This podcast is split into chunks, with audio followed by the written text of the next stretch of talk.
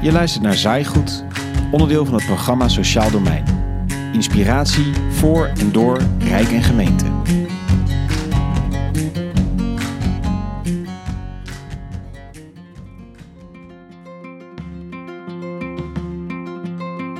Wicked Problems.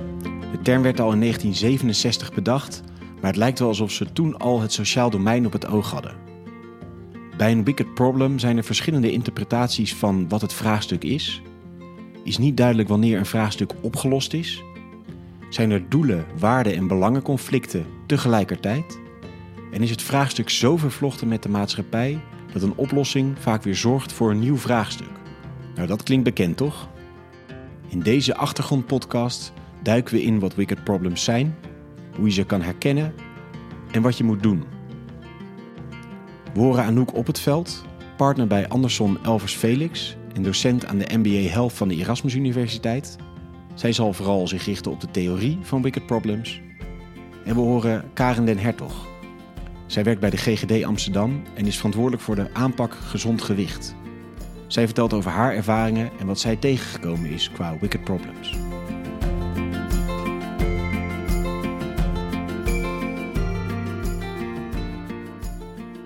Je ziet enorme complexe problemen in het sociaal domein. We begonnen vol enthousiasme aan de uh, decentralisatie van de jeugdhulp 2015, eigenlijk nog in al die voorbereidende jaren. En iedereen had een soort goed gemoed, want het, het leek te versimpliceren doordat je fantastische termen erop kon plakken als we willen het veel meer dichterbij, het moet maatwerk worden, we willen er vroeger bij zijn. Als we nu investeren, dan levert dat enorm rendement voor later op. En als we het allemaal in één hand kunnen leggen van die gemeente, dat gaat ons enorm helpen. En zodra je eigenlijk met name met elkaar gaat ontdekken en gaat inregelen en gaat bedenken hoe het moet, dan kom je in een breid terecht die je van tevoren eigenlijk niet kan bedenken. Het gaat over hoe gaan professionals met elkaar samenwerken? De gehandicaptensector, de GGZ-sector, de jeugdhulpsector hebben allemaal een eigen vakopvatting. Hebben ook allemaal een perceptie over wat er moet, hoe samenwerken daadwerkelijk gaat. Wat belangrijk daarin is, moeten bij elkaar komen. De gemeente moet een nieuwe taak uit gaan vogelen rondom inkoop, maar ook de regisseur zijn van een speelveld waarvan ze van tevoren eigenlijk, eigenlijk weinig kennis van hebben. En dan de relatie met die zorgorganisaties die dat moeten gaan regelen, hebben ze aan de ene kant een inkooprelatie mee, en aan de andere kant hebben ze daar een partnerschapsrelatie mee. Um, om te kijken over hoe dat speelveld en dat zorglandschap er daadwerkelijk uit moet komen te zien. En dan heb je het misschien goed ingeregeld nog met jeugdteams. Maar wat is goed? Hè? Wanneer, hoe, hoe zie je dat nou eigenlijk en wie bepaalt dat? Dan komt de sociale, dan komt de sociale media eroverheen, maar komt ook de media eroverheen. Die in één keer grote artikelen gaat schrijven over de suicides in de jeugdhulp. Die voorkomen moeten gaan worden, waar je op moet gaan sturen. En dan of je wordt in de gemeenteraad, de politiek, met een, uh, die ook een belangrijke rol hierin speelt, gaat je aanspreken. En al die verschillende acties rondom die jeugdhulp, die grijpen in elkaar. En het wordt eigenlijk alleen nog maar een meer vastgedraaide rekluwe um, van verschillende soorten problemen en verschillende soorten oplossingen, waarvan je eigenlijk niet meer weet waar het begonnen is. Die problemen in het sociaal domein zijn dus een soort vastgedraaide kluwen. Maar hoe kun je die dan weer aanpakken? Moet je de kluwen ontwarren? Moet je die complexe vraagstukken opknippen in kleine stukjes, waardoor je uiteindelijk weer eenvoudige problemen hebt? Maar dat is precies de eigenschap van een wicked problem, dat dat niet kan. Want als je keuzes maakt, stel een gemeente zegt, nou ja, we gaan eh, inkopen bij een bepaalde uh, zorgorganisatie. Nou, dat is, dat is het blokje wat we even vastpakken dan verandert per definitie die relatie tussen gemeente en zorgaanbieder. En als je daarna zegt, oh, maar we gaan partnerschap doen, want we gaan ook nadenken samen over hoe we dat zorglandschap in moeten gaan richten, er is iets gebeurd. En eigenlijk al die verschillende blokjes, omdat het zo'n groot complex probleem is, die interacteren op elkaar en die maken iedereen iedere keer een nieuwe werkelijkheden. Die effecten die stapelen en die stapelen en die maken, creëren eigenlijk ja, nieuwsoortige problemen, terwijl je denkt dat je ze eigenlijk op hebt gelost. Ja, je moet dus nadenken over het bouwen van een huis. Stel, ik wil een nieuw huis bouwen. Dat is een, eigenlijk, dat zou ik typeren als een enkelvoudig probleem. Je maakt, uh, je maakt een ontwerp, je maakt een uh, maquette, je hebt een architect, je hebt uh, een bouworganisatie en die bouwen voor jou het huis. Er kunnen een paar dingen tegenkomen, maar dat, die kun je eigenlijk redelijk goed voorspellen. Typisch geval van een enkelvoudig, simpel probleem. Dan zou je nog kunnen zeggen, we gaan een huis verbouwen. Dat is al wat complexer. Je kunt van tevoren bedenken hoe je dat wil gaan doen, maar je komt wel eens asbest tegen, je komt de verrotte balkers tegen. Daar moet je iedere keer adaptief op reageren. Nou, achteraf, en ook ter plekke, kan je iedere keer wel nadenken. Oh ja, nee, ik moet hier even goed eh, op inspelen. En ik moet nadenken welke stap ik nu zou gaan zetten. En terug kun je eigenlijk wel goed uittekenen wat je hebt gedaan. Dat is een gecompliceerd probleem. Eigenlijk zou je het complex probleem kunnen vergelijken met, een, met collectief een huis verbouwen. Dus dat je met een groep vrienden bedenkt, is oké, wij willen hier later samen wonen en we gaan dit huis verbouwen tot de manier zoals wij dat eigenlijk zouden willen. Maar wat wij precies willen, dat weet eigenlijk niet iedereen dat zijn eigenlijk ook, er zit iets normerends in. Hè? Dus iedereen heeft verschillende belangen, iedereen heeft verschillende percepties over wat hij denkt dat je hebt afgesproken. Je komt onderweg nog eens een keer probleem tegen, dan moet je dan met z'n vijftien over gaan hebben hoe je dat eigenlijk op gaat lossen. En hier eigenlijk kom je steeds van kwaad tot erger in de volgende problemen terecht in dat collectieve huisverbouw. Dat is een complex probleem. En achteraf, weet je, kan je eigenlijk bijna moeilijk uittekenen wat nou tot welke actie, welke actie nou tot welke resultaat en welk effect heeft geleid. Want dat is niet meer lineair terug te herleiden. Typisch geval van een complex, of ook wel in de literatuur wicked problems genoemd. Anouk vertelde dus dat er drie soorten vraagstukken zijn. Eenvoudige of enkelvoudige vraagstukken, gecompliceerde vraagstukken en complexe vraagstukken. Waaraan kun je die laatste categorie, die complexe vraagstukken of wicked problems, herkennen? Zo'n wicked problem die heeft een aantal kenmerken. Um, het is moeilijk te definiëren. Je weet eigenlijk niet met welk probleem je te pakken hebt. En heb je daar ook met elkaar het goede gesprek eigenlijk over gevoerd?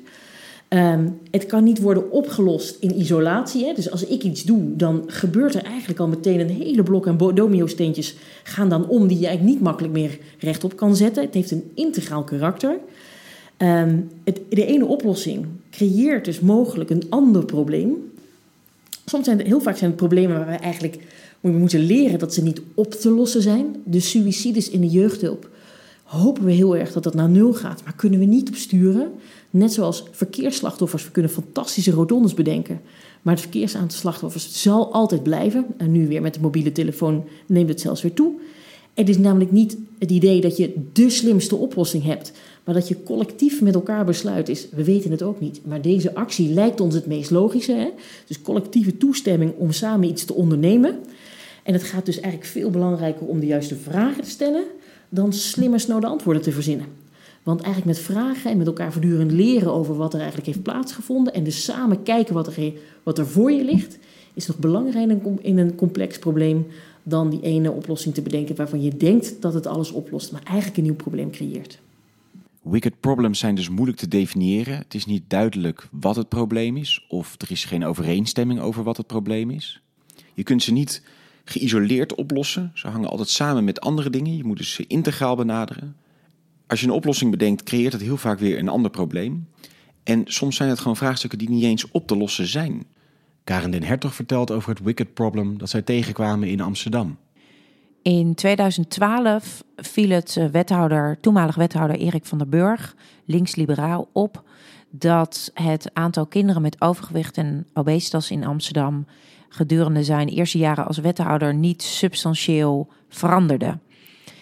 Hij had de portefeuille zorg en sport. En ergens in zijn achterhoofd had hij toen al het idee van misschien moeten we daar wel meer op doen. Misschien moeten we dat op een andere manier doen dan dat we dat op, tot nu toe hebben gedaan. Als het zou gaan over, het was op dat moment hadden we het over 27.000 kinderen in deze stad, eh, naar schatting als er in deze stad 27.000 kinderen zouden zijn met de mazelen of met hepatitis C, hè, dan, dan zouden we de bunker ingaan. Dan zouden we allemaal, um, allemaal acties ondernemen die we doen als er een epidemie is. En nu deden we alleen maar, tussen aanhalingstekens, uh, wat projectjes op scholen en wat waren we met wat dingen bezig um, in buurten. Dus voor hem was dat de, echte aanleiding om te zeggen: Goh, als we, dit, als we dit probleem nou anders aanvliegen. Als we echt ook een sense of urgency met elkaar creëren. Zeggen: Het kan toch niet zo zijn dat er in deze stad. dat het uitmaakt waar je bedje staat. Uh, in uh, wat je kansen zijn om uh, overgewicht en, obesitas te ontwikkelen. waarvan we weten dat als je dat als kind al hebt ontwikkeld. dat je daar eigenlijk nooit meer van afkomt. en daar heel veel gezondheidsproblemen door krijgt. Um, daar, moet, daar hebben wij als lokale overheid een verantwoordelijkheid op te nemen. En daarbij werd gelijk gezegd: dit is een wicked problem. En dat werd zelfs vastgelegd in de bestuursopdracht. Dit is een complex probleem. Er zijn zo ontzettend veel factoren die met elkaar samen die obesogene omgeving vormen, waarin het ontzettend moeilijk is om gezonde keuzes te maken. En als je dan ook nog een heleboel complexe privé-situaties hebt, is het nog ingewikkelder om gezonde keuzes te maken. Maar waarom is het belangrijk om dat te benoemen?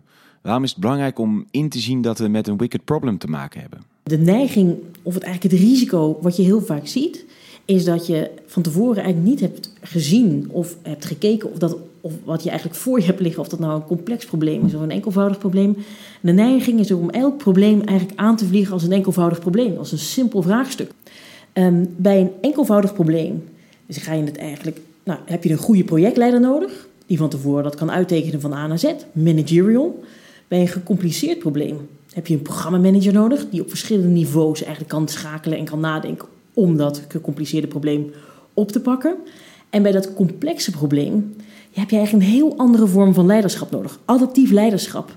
En dat hoeft niet in één persoon te zitten, maar dat zit vaak ook in meerdere personen. Dat je met elkaar denkt: oké, en wat is nou de volgende stap die misschien, wat we vanuit de uh, ervaring die we net hebben opgedaan, een logische vervolgstap zou kunnen zijn. Je kunt het van tevoren niet uittekenen. Je komt voortdurend dingen tegen en je hebt echt adaptief leiderschap nodig om samen met elkaar te bepalen wat de volgende stap is. Wat ik heel bijzonder vind van het college van BMW toen, hè, 2012, eh, 2013, toen we onze eerste, uh, eerste programmaplan uh, door hen is vastgesteld en ook is aangenomen door de Raad, is dus dat die, ehm, dat die complexiteit er heeft mogen zijn. Dat we Ehm, dat, we dat, dat we dat niet hoefden plat te slaan. Dat we dat niet toch moesten opschrijven. Dat het misschien wel zo was. Maar dat we het schetsten alsof het makkelijker was. Nee, dat, ehm, ehm, dat die analyses die we zelf hadden gemaakt. op basis van de wetenschap. op basis van onze eigen ervaringen. op basis van al die uh, ervaringen uit het veld. dat we mochten zeggen. er zijn zo ontzettend veel interlinking factoren. Um, we snappen ze ook nog niet helemaal. We weten ook niet helemaal hoe dat ligt. Daar worden we misschien wel wijzer van. Maar ook eigenlijk al meteen hebben mogen zeggen. Maar waarschijnlijk gaan we het nooit helemaal snappen. Maar er is geen enkele reden waarom ons dat in de weg zou moeten zitten. om niet beter voor die kinderen in onze stad te gaan zorgen.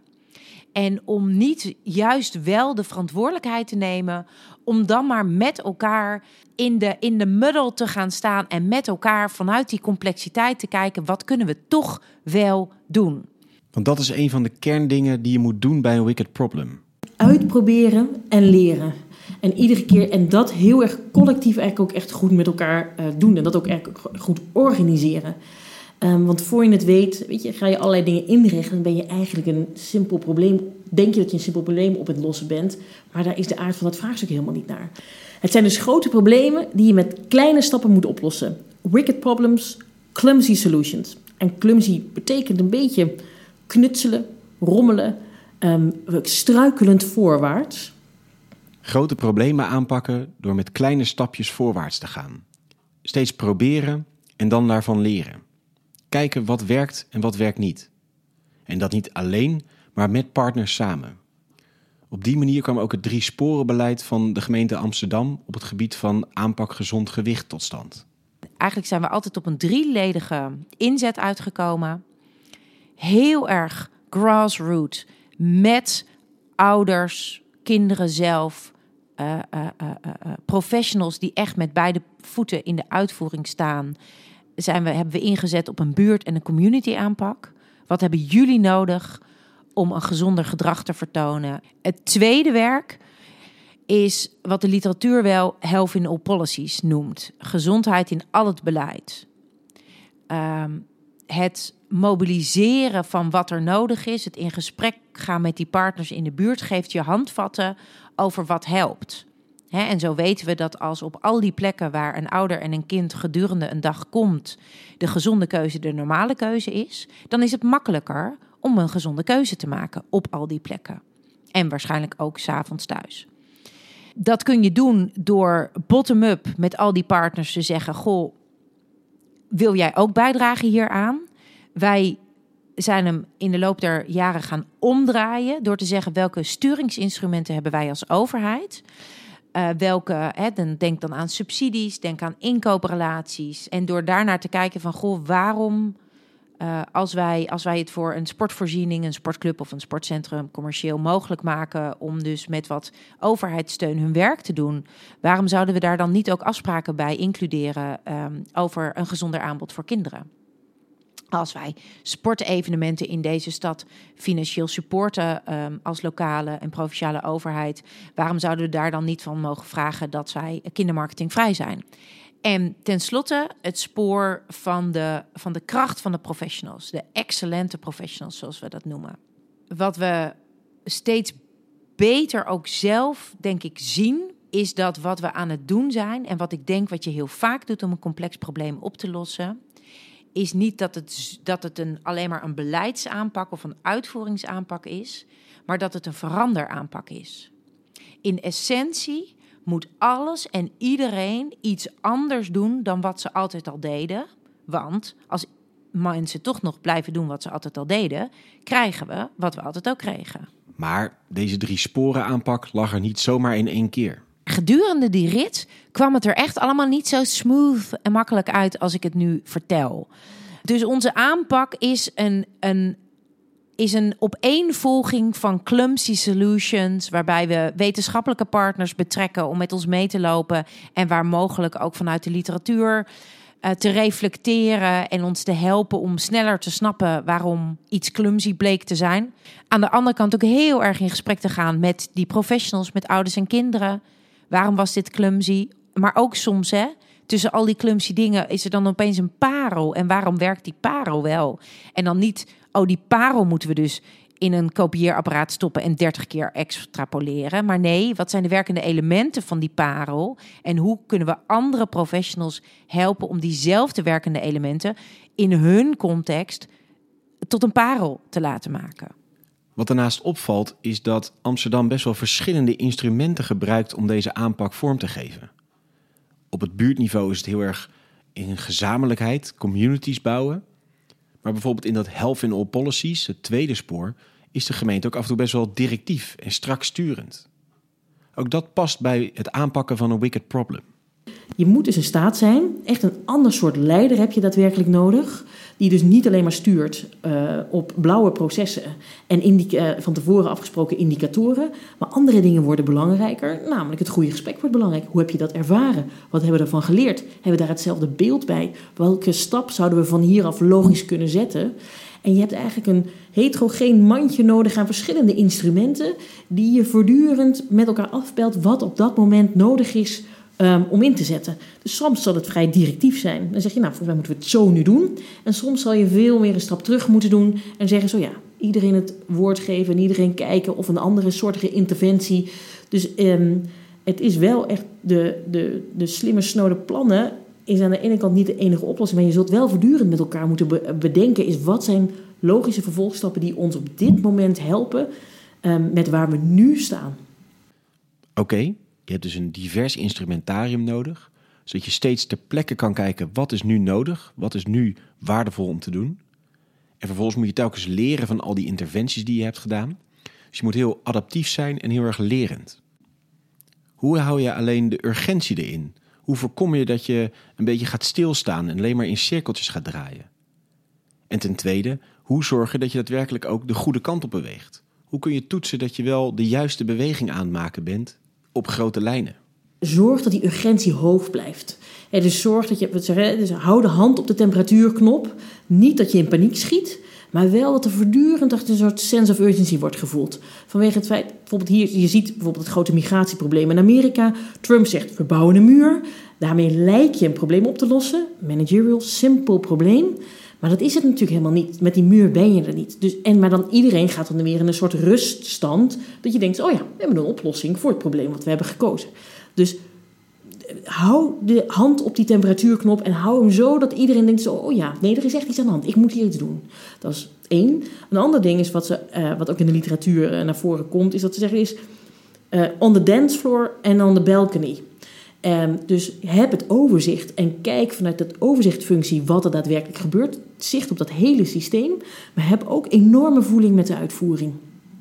Zorg niet dat je een fantastische uh, maquette hebt gemaakt over hoe die wijkteams moeten werken. En dat je denkt, oh ja, maar dit is precies hoe wij het ook hebben gedaan. En in de praktijk blijkt het finaal anders te zijn. Want dan ga je de bietenbrug op. Dus on the balcony, on the dancefloor. Dus zorg dat je voortdurend op verschillende niveaus schakelt. Dus zowel op dat systeemniveau als op organisatieniveau als op uitvoeringsniveau. En zo zijn wij dus gedurende al die jaren is het er een constant proces geweest van dingen starten. Onze sturing is heel erg blauw. Heel erg blauw per jaar resultaten, inspanningen benoemen, resultaten benoemen, sturen op realisatie van output, sturen op PNC-facetten.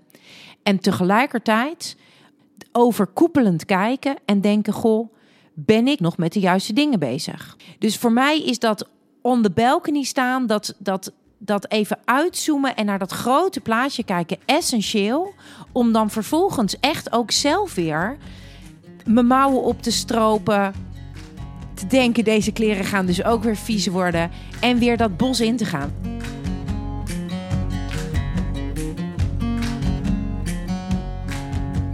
Wicked problems moet je dus niet plat slaan, maar in hun complexiteit zien. Om ze aan te pakken moet je stapje voor stapje werken en steeds proberen en leren. Dat samen met partners doen, met wel een perspectief van waar je heen wil, maar ook met de wetenschap dat je niet in één keer daar de strakke route heen kan leggen. Het is dus stapje voor stapje leren. Daaraan hopen we als SAI goed bij te dragen. Door verhalen van gemeenten te delen die zelf ook met zo'n zoektocht bezig zijn, om zo te leren hoe je weer een stapje verder kan komen. Heb je ideeën of suggesties? Of heb je zelf een verhaal dat je wilt delen? Laat het ons weten. We komen graag bij je langs.